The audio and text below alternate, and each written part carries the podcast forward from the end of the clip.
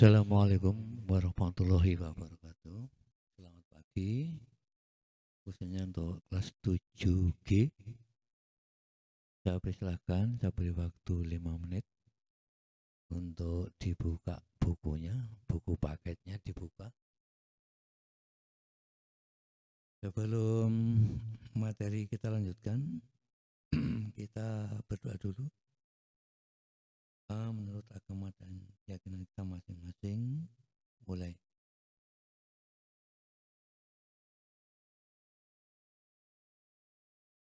cukup?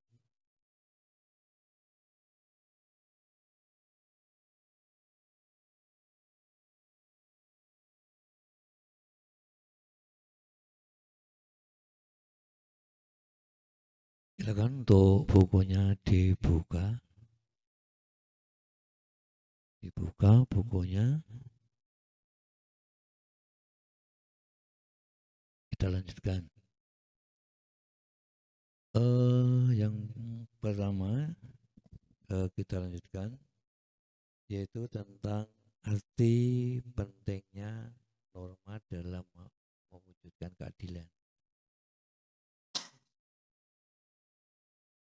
Jadi sekali lagi saya lanjutkan untuk arti penting norma dalam mewujudkan keadilan. Nah di sini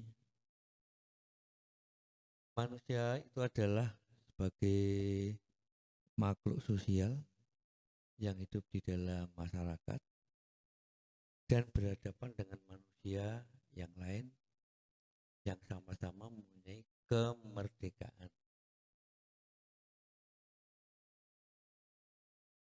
Pribadi, pikiran, perasaan. Di setiap kita saling berhubungan dan saling membutuhkan, sering kali ada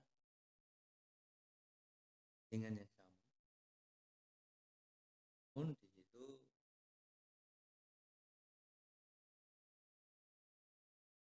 kalau kita lihat ada kesamaan dan tujuan dan kepentingan yang sama.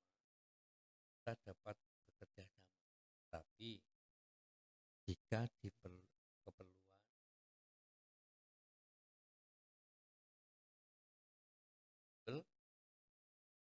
adalah perselisihan.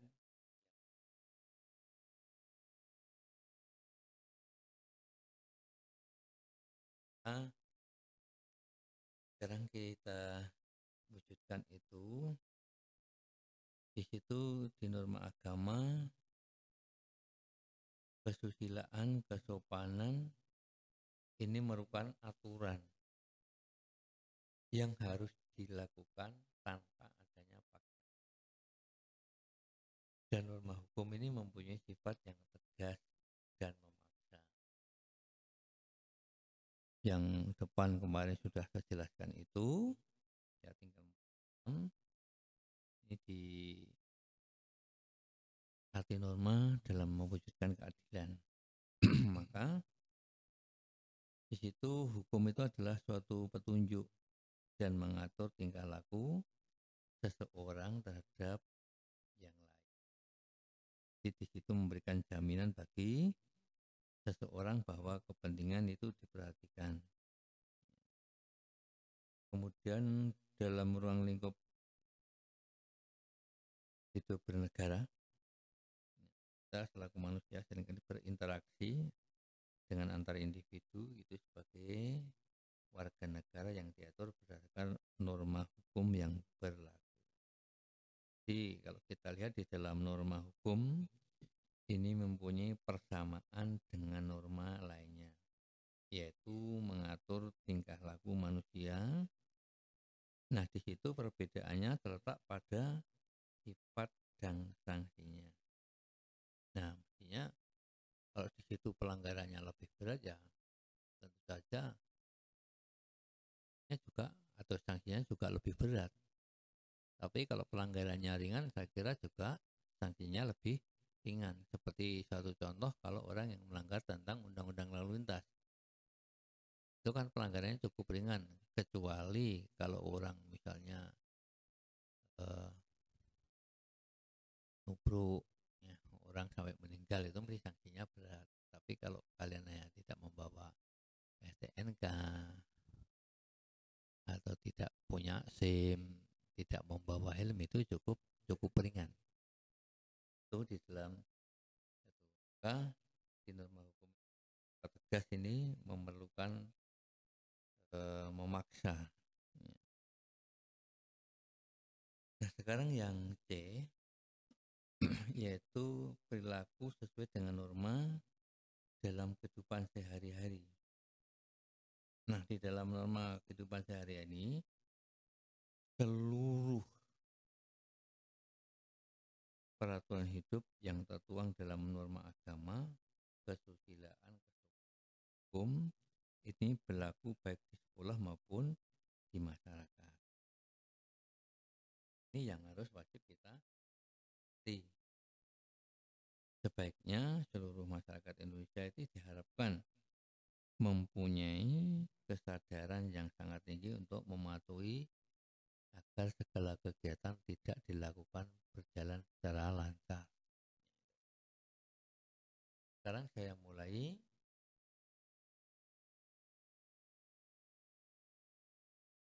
lingkungan keluarga. Nah, di situ di dalam norma di lingkungan keluarga, keluarga ini merupakan kelompok masyarakat yang terkecil yang terdiri dari ayah, ibu, dan anak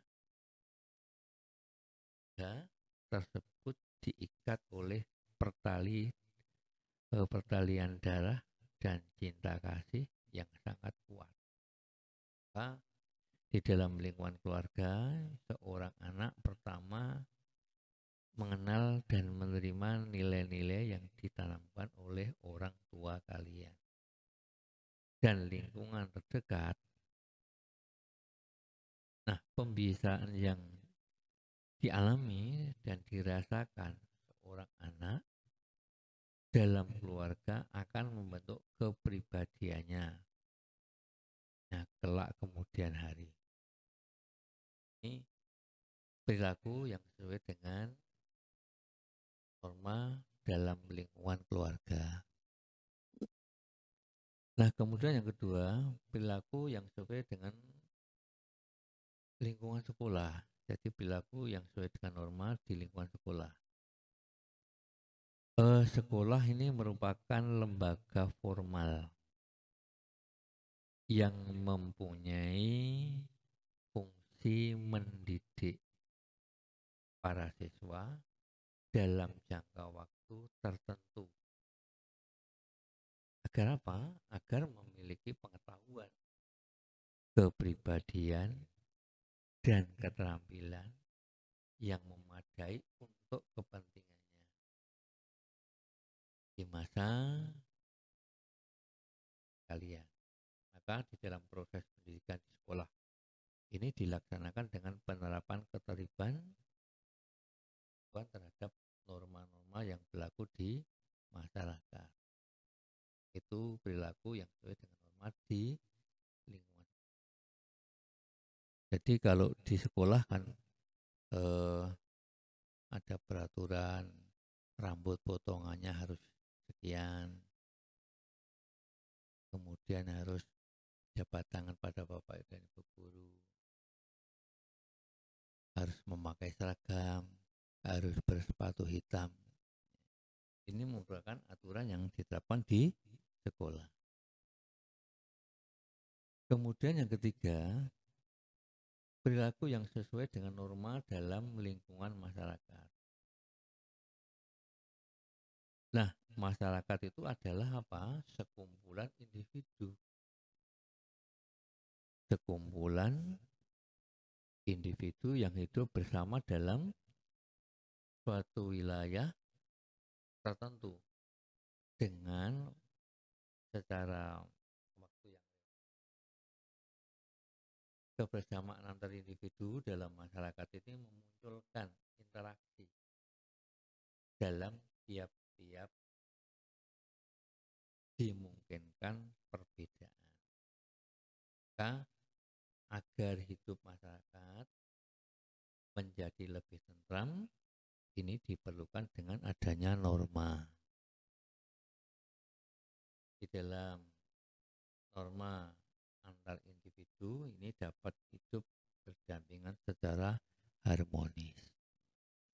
Jadi, perilaku yang sesuai dengan norma di lingkungan masyarakat. Nah, kemudian perilaku yang sesuai dengan norma dalam lingkungan negara. Dalam pembukaan Undang-Undang Dasar 45 dalam pembukaan Undang-Undang Dasar pada alinea yang keempat tertuang tentang tujuan negara. Nah, di situ pemerintah negara kesatuan Republik Indonesia dibentuk dengan tujuan untuk melindungi segenap bangsa Indonesia dan seluruh memajukan kesejahteraan umum, mencerdaskan kehidupan bangsa, ikut melakukan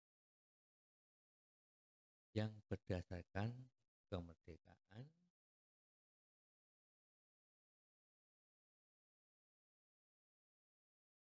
keempat menurut dalam empat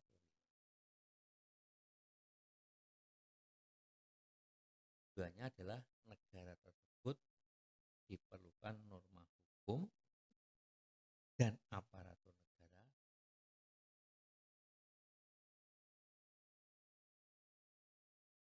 Kehakiman keadilan yang berfungsi untuk menegakkan hukum. Itu perilaku yang sesuai dengan norma dalam kehidupan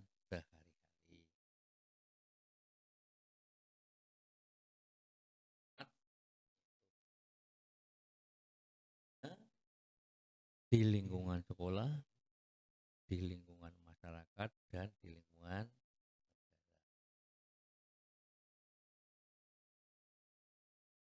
yang harus kamu ketahui norma yang berlaku di dalam kehidupan sehari-hari. Sekarang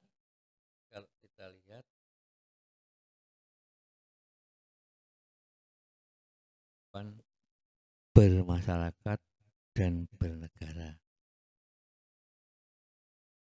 Seperti yang sudah dijelaskan di atas, bahwa di dalam kehidupan bermasyarakat itu terdapat norma-norma yang mempengaruhi perilaku manusia. Setiap manusia itu merasakan norma atau peraturan sejak kecil ya sampai di dewasa. Yang membatasi perilaku ini untuk menurut kehendak hatinya. Maka di situ di dalam peraturan yang berlaku di lingkungan masyarakat. Maka di dalam norma yang berlaku dalam masyarakat itu adalah tuntunan masyarakat dalam menjalankan kehidupannya. Apabila dalam masyarakat ini menjalankan norma-norma tersebut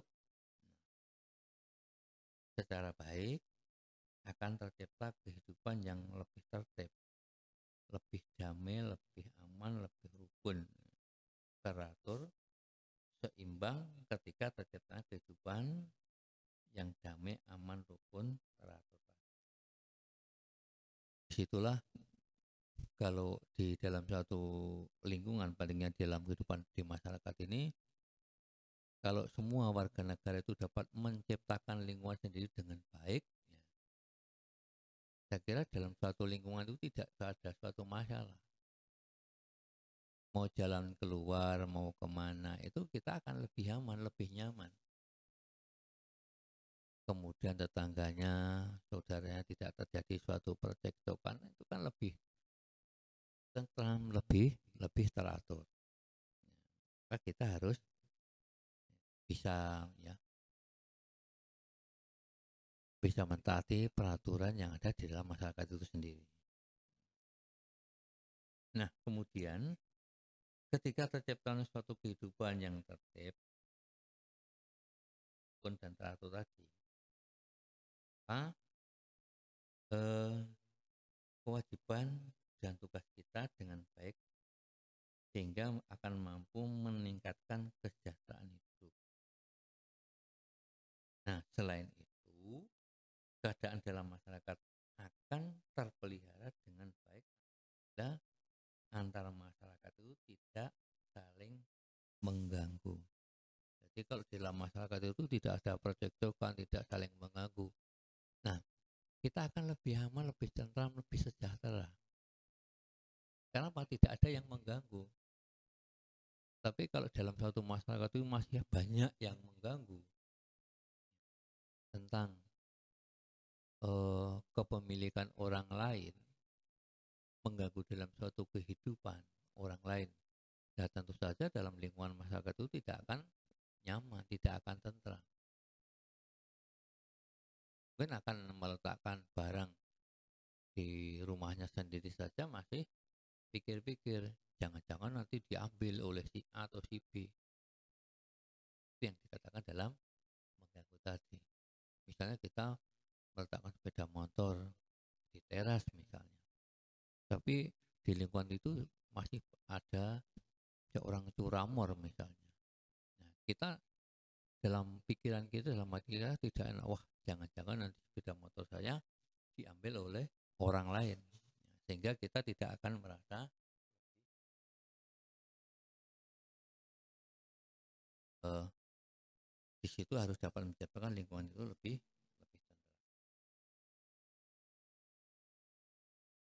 Kemudian eh, sebagai anggota masyarakat, hmm, kita sebagai anggota masyarakat negara tentunya sangat penting bagi manusia. Kenapa di situ? Nah, di situ saya jelaskan demikian. Masyarakat ini bernegara ini menjadi lebih baik. Apa? bermasyarakat dan bernegara menjadi lebih baik, pentingnya norma dalam kehidupan bermasyarakat itu adalah sebagai berikut. Di situ saya jelaskan satu persatu. Pentingnya norma dalam kehidupan masyarakat itu satu, menciptakan kehidupan yang aman, yang tertib, selaras, serasi, dan seimbang itu palingnya dalam satu norma. Kemudian yang kedua, sebagai penuntun atau pedoman bertingkah laku dalam masyarakat. Itu kita uraikan satu persatu tadi supaya apa? Supaya para siswa itu tahu bagaimana cara kita untuk menjalankannya. Nah, kemudian contoh yang ketiga, membentuk budi pekerti manusia yang baik. Perilaku yang taat, patuh, sadar akan hukum, memiliki akhlak yang mulia. Di sinilah membentuk budi pekerti manusia yang baik, perilaku yang taat, patuh, sadar hukum, ini memiliki akhlak yang yang mulia. Maka yang keempat ini mengatur membatasi tingkah laku. Bermasyarakat yaitu dengan adanya norma ini nanti untuk membatasi untuk membatasi di dalam bertingkah laku. Kemudian yang kelima adalah dapat menciptakan keadilan. Kita harus dapat untuk menciptakan keadilan. Itu cara mengukurnya sulit. Kita kadang-kadang membagi saja tidak. Kenapa? Karena yang namanya adil itu cara kita untuk mengukurnya. Tuh. Ya. Itu di dalam tujuan hukum yang pertama keadilan di dalam masyarakat. Nah, sekarang definisi tentang keadilan juga dicoba kita rumuskan oleh para seperti Aristoteles, seperti Plato dan Thomas Hobbes. Nah, menurut Aristoteles, keadilan itu adalah kelayakan. Kelayakan dalam tindakan manusia. Kelayakan yang dimaksud adalah titik tengahnya antara kedua ujung secara ekstrim, tidak berat sebelah, dan tidak Jadi yang menjadi seorang hakim atau jaksa di situ kalau diduduk dalam selaku seorang hakim ya harus. Jangan berat sebelah. Kalau memang si A itu betul salah ya betul-betul dikenakan satu sanksi yang yang sesuai dengan pelanggarannya. Jadi jangan sampai wah karena saya dikasih uang lebih banyak dengan si A, nah ini perkaranya saya menangkan. Itu salah. Namanya itu seorang yang mengadili itu berat berat sebelah karena di. Nah kemudian di situ menurut Aristoteles juga ada lima jenis keadilan. keadilan komutatif, keadilan distributif, keadilan kodrat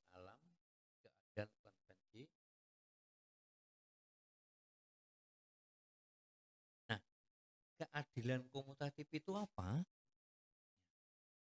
Keadilan komutatif itu adalah perilaku terhadap seorang dengan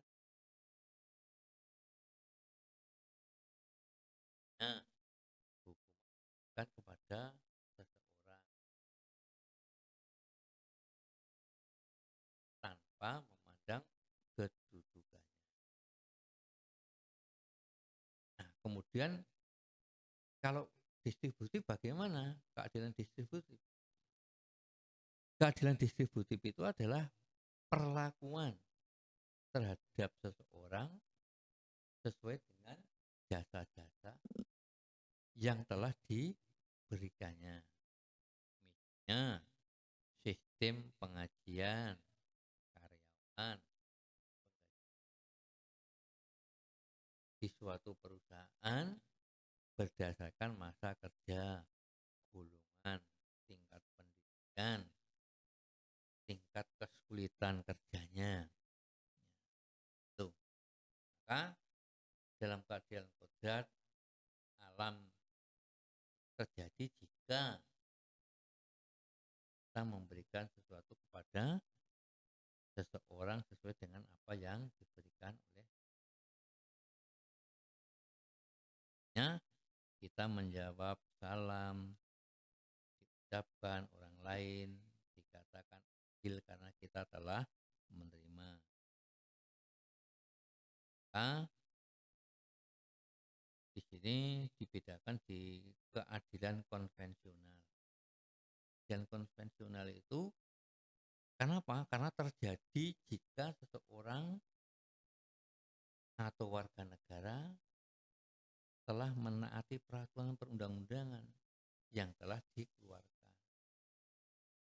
Contohnya tadi misalnya dalam kita menaiki kendaraan sepeda motor. Kalau tidak lengkap dikenakan dalam sanksi yang ada. Eh, di dalam keadilan tadi diperbagi terjadi jika seseorang telah berusaha memilih nama baik orang lain yang telah tercemar misalnya tindakan klarifikasi terhadap kesalahan yang telah dilakukan seseorang maka eh, sementara Menurut Plato, keadilan dapat dibedakan atas keadilan dan keadilan prosedural. Nah, menurut Plato tadi, keadilan secara moral ini terjadi jika kita telah mampu memberikan perlakuan yang seimbang antara hak dan kewajiban. Misalnya, siswa kita mendapatkan hak dan melakukan kewajiban di sekolah. Sementara keadilan prosedural ini beda. Keadilan prosedural ini terjadi apabila kita mampu melaksanakan perbuatan adil berdasarkan tata cara yang telah ditetapkan. Ya, orang yang menjadi juara olimpiade. Sains kan adil jika dia mencapai prestasi tersebut dengan mengikuti tahap-tahap seleksi baik tanpa melakukan kecurangan. Itu namanya adil. Nah, di situ kalau kita kembangkan di situ adil ini merupakan bentuk pengamalan sila kedua Pancasila yaitu kemanusiaan yang adil dan beradab. Di sila kelima Pancasila tadi keadilan sosial bagi seluruh rakyat Indonesia itu kita ambil nilainya. Nilai-nilainya apa? Nilai-nilainya keadilannya harus terwujud dalam sosial meliputi keadilan distributif, keadilan legal, dan keadilan komutatif.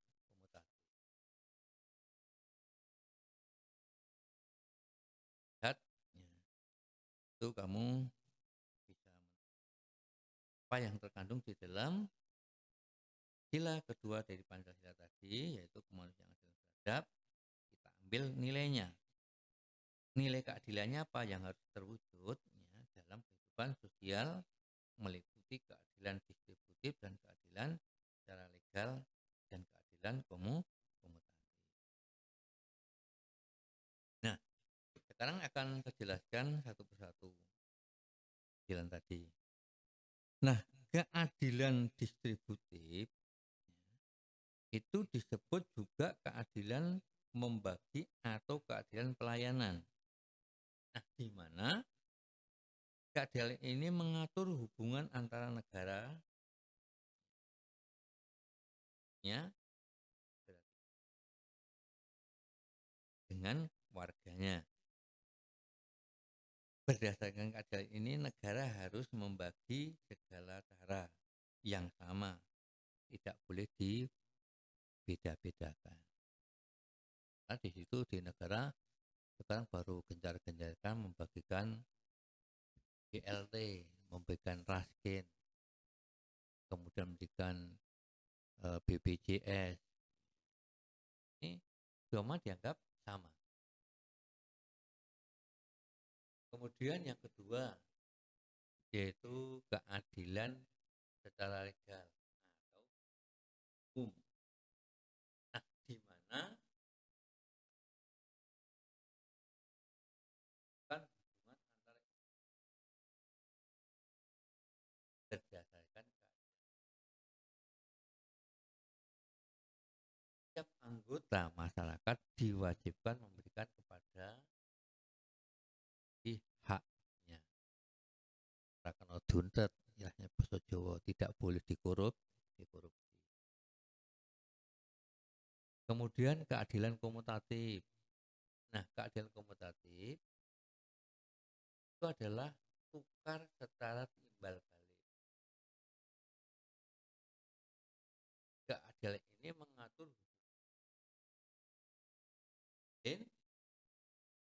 sebagai mitra Kenapa?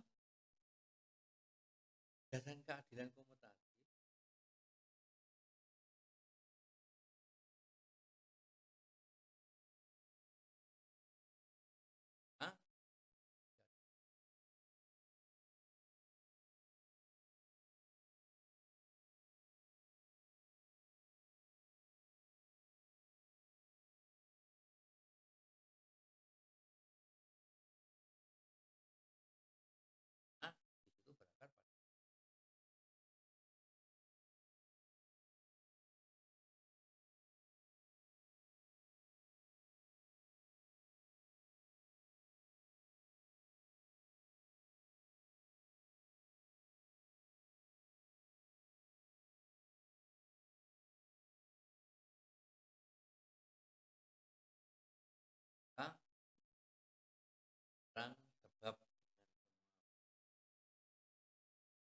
orang orang lain. Nah, kemudian saya lanjutkan.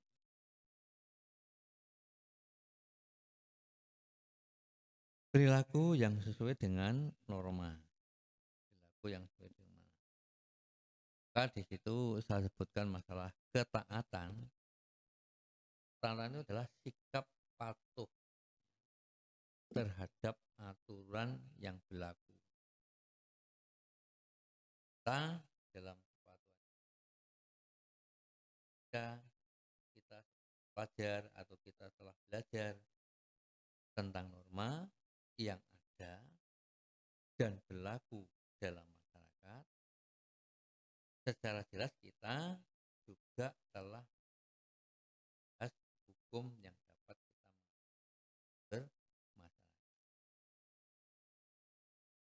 Perilaku yang sesuai dengan norma. Nah, kemudian di situ kalau kita lihat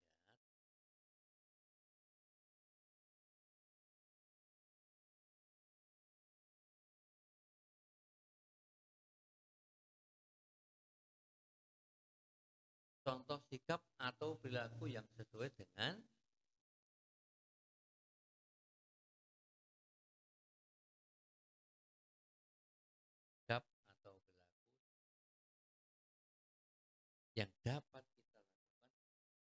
sehari-hari. Di situ ada beberapa contoh Perilaku yang sesuai dengan norma yang dapat diwujudkan di lingkungan sekolah. Satu, mematuhi tata tertib sekolah. Berpakaian seragam. Berdoa sebelum dan sesudah melakukan kegiatan. Mendengarkan, mematuhi perintah guru selama kegiatan belajar mencium tangan guru sebelum dan setelah pelajaran usai. Melaksanakan kewajiban piket, memberikan mengerjakan ulangan dengan jujur, tidak boleh ngepek, tidak boleh menyontek temannya, tidak boleh menyontek. Ini contoh perilaku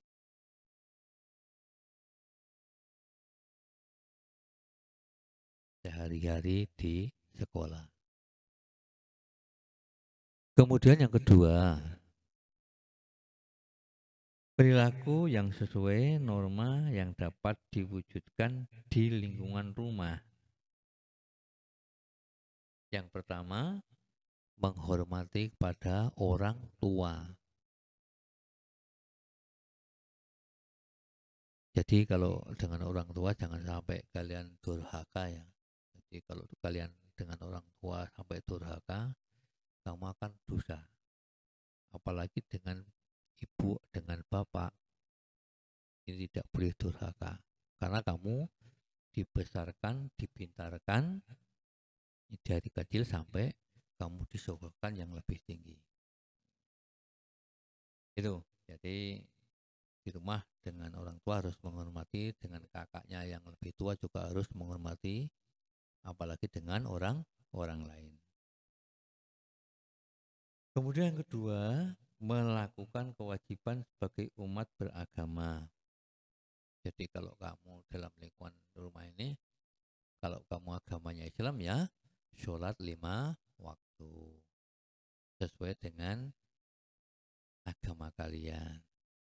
Sing agamanya Kristen Katolik juga ke gereja yang Hindu Buddha juga ke wihara.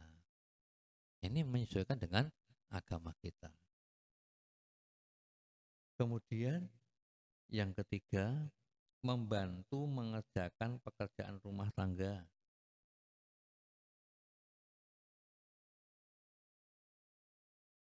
Dengan ikhlas. Jadi kalau disuruh oleh ayah atau ibu kalian itu kalian tidak usah bersuloh ya. Jadi kamu tidak usah bingung-bingung uh, disuruh oleh bapak atau ayah kalian atau ibu kalian sama cucu dhisik ya. orang tua menjadi mangkel ini jangan sampai terjadi semacam itu jelas harus kamu secara ikhlas kamu kerjakan yang keempat adalah mentaati peraturan rumah yang telah disiapkan oleh keluarga misalnya anak-anak si A setiap pagi harus nyapu halaman. Ya kamu aturannya di situ harus nyapu halaman. Si B yang cewek ikut ke dapur ya asah-asah atau masak atau mencuci. Ya. Ini salah satu bentuk dalam satu perilaku yang ada dalam satu keluarga. Kemudian yang kelima adalah melakukan kegiatan sehari-hari tanpa melupakan kewajiban sebagai anggota keluarga. Jadi kalau kita bermain ya jangan sampai ngelantur. Jangan sampai lupa dengan keluarga. Kamu harus betul-betul bagaimana caranya kita untuk ya, mentaati itu. Nah, kemudian yang ketiga, perilaku sesuai norma yang dapat diwujudkan di lingkungan masyarakat. Nah, di masyarakat ini yang yang paling berat. Jadi kalau di perilaku norma dalam masyarakat ini jangan sampai nanti kalian dicemooh oleh orang orang lain. Ya kalian. Saya berikan contoh yang pertama adalah mengucapkan permisi. Ketika melintasi ada orang yang lebih tua berkumpul atau duduk-duduk di depan. Depan permisi atau clone woon itu nanti kamu juga akan dinilai lebih baik oleh masyarakat. Tetapi kalau kamu nanti melewati di depannya orang yang berkumpul duduk-duduk lah kamu itu nanti ngujluk seperti ontoseno yang tidak ngerti sopan santun. Nanti di situ kamu akan dicamah oleh masyarakat. Kali sekolah nanti yo. Di SMP satu mikir oh mulane raiso boso raiso klonwun bisu ya, tidak bisa ngomong. Ini jangan sampai terjadi semacam itu. Kemudian yang kedua saling menghargai dan tolong menolong sesama tetangga. Jadi kalau tetangganya minta tolong ya kamu jangan menghindar.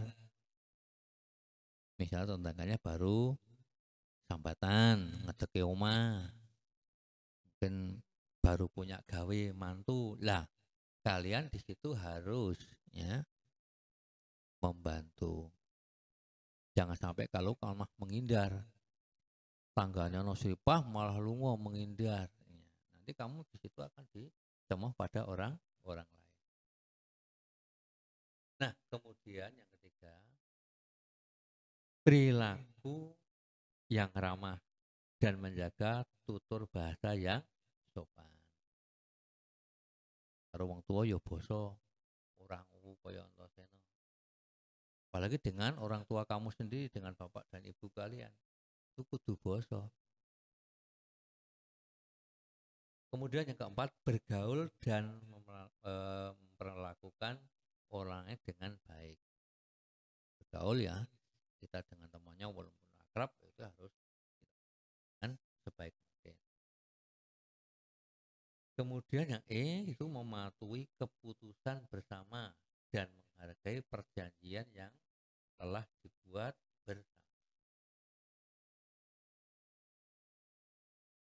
Kemudian yang F menghindari perbuatan melanggar hukum seperti mencuri, dan berperilaku yang tercela ini jangan sampai terjadi semacam itu. Dan menjaga ketertiban, menjaga kebersihan lingkungan masyarakat dengan kegiatan seperti dan yang harus kamu taati di dalam lingkungan masyarakat.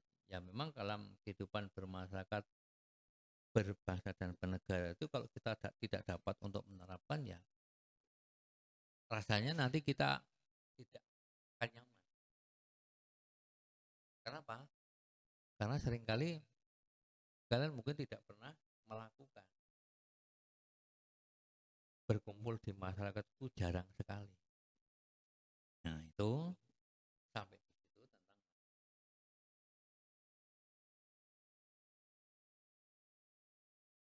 kan tentang arti penting dalam mewujudkan di penghujung ini eh, perilaku yang sesuai dengan dengan norma.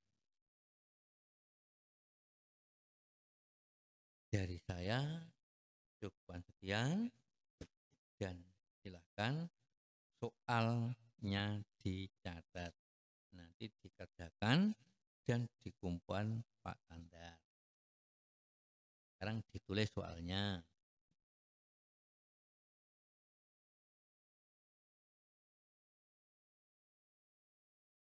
Siap? Ditulis ya.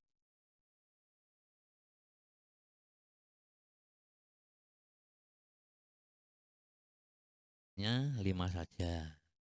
Tidak usah banyak-banyak. Sudah siap? Kalau siap ditulis. Satu. Jelaskan sifat kodrat manusia sebagai makhluk sosial. Saya lagi. Jelaskan sifat kodrat manusia sebagai makhluk sosial. Pun? Ya. Kemudian yang kedua, bagaimanakah kebebasan yang dimiliki? Ulang lagi, bagaimanakah kebebasan yang dimiliki setiap individu ketika berhadapan dengan individu lainnya. Setiap individu ketika berhadapan dengan individu lainnya. Tiga, jelaskan tujuan norma dalam kehidupan bermasyarakat. Ulang lagi, jelaskan tujuan norma dalam hidup bermasyarakat.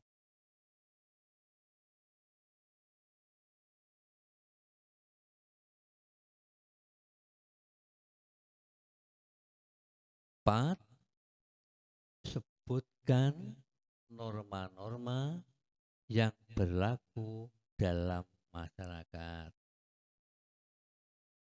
Sebutkan norma-norma yang berlaku dalam masyarakat. Ulang lagi, sebutkan norma-norma yang berlaku dalam masyarakat. Lima, sebutkan ciri-ciri norma agama. Jelaskan ciri-ciri norma agama. Ya, kelima itu saja. Kemudian saya ingatkan tugas yang saya berikan pada kalian itu segera dikumpulkan. Kalau kalau minggu kemarin belum mengumpulkan, saya tunggu bisa dikumpulkan sekarang. Untuk ini juga dikumpulkan sekarang. Nanti saya tunggu sampai pada pukul satu. Kemudian tugas ini nanti dikirim ke WA-nya Pak Kandar. jangan dikirim kepada WA-nya orang lain. Nanti tidak kesasar. Jadi dikirim ke WA-nya Pak Kandar. Kemudian lembar jawabannya diberi nama.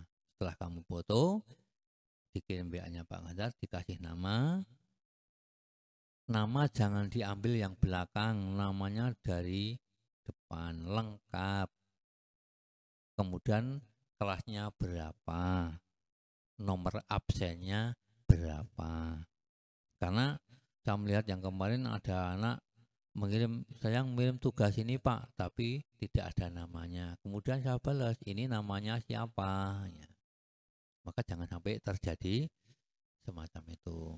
Silahkan untuk dikerjakan dan nanti dikumpulkan lewat WA-nya Pak Kandar. Saya tunggu sampai nanti selesai pada pukul satu.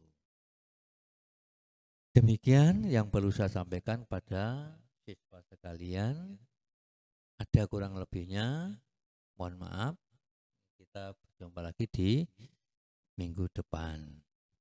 Demikian, wassalamualaikum warahmatullahi wabarakatuh. Selamat pagi dan selamat mengerjakan. Absen jangan sampai lupa sesuai dengan nomornya. Jadi nomor absen itu nanti yang nomor absen pertama harus menulis, kemudian absen kedua menulis di bawahnya dan kemudian dikirim langsung. Terima kasih.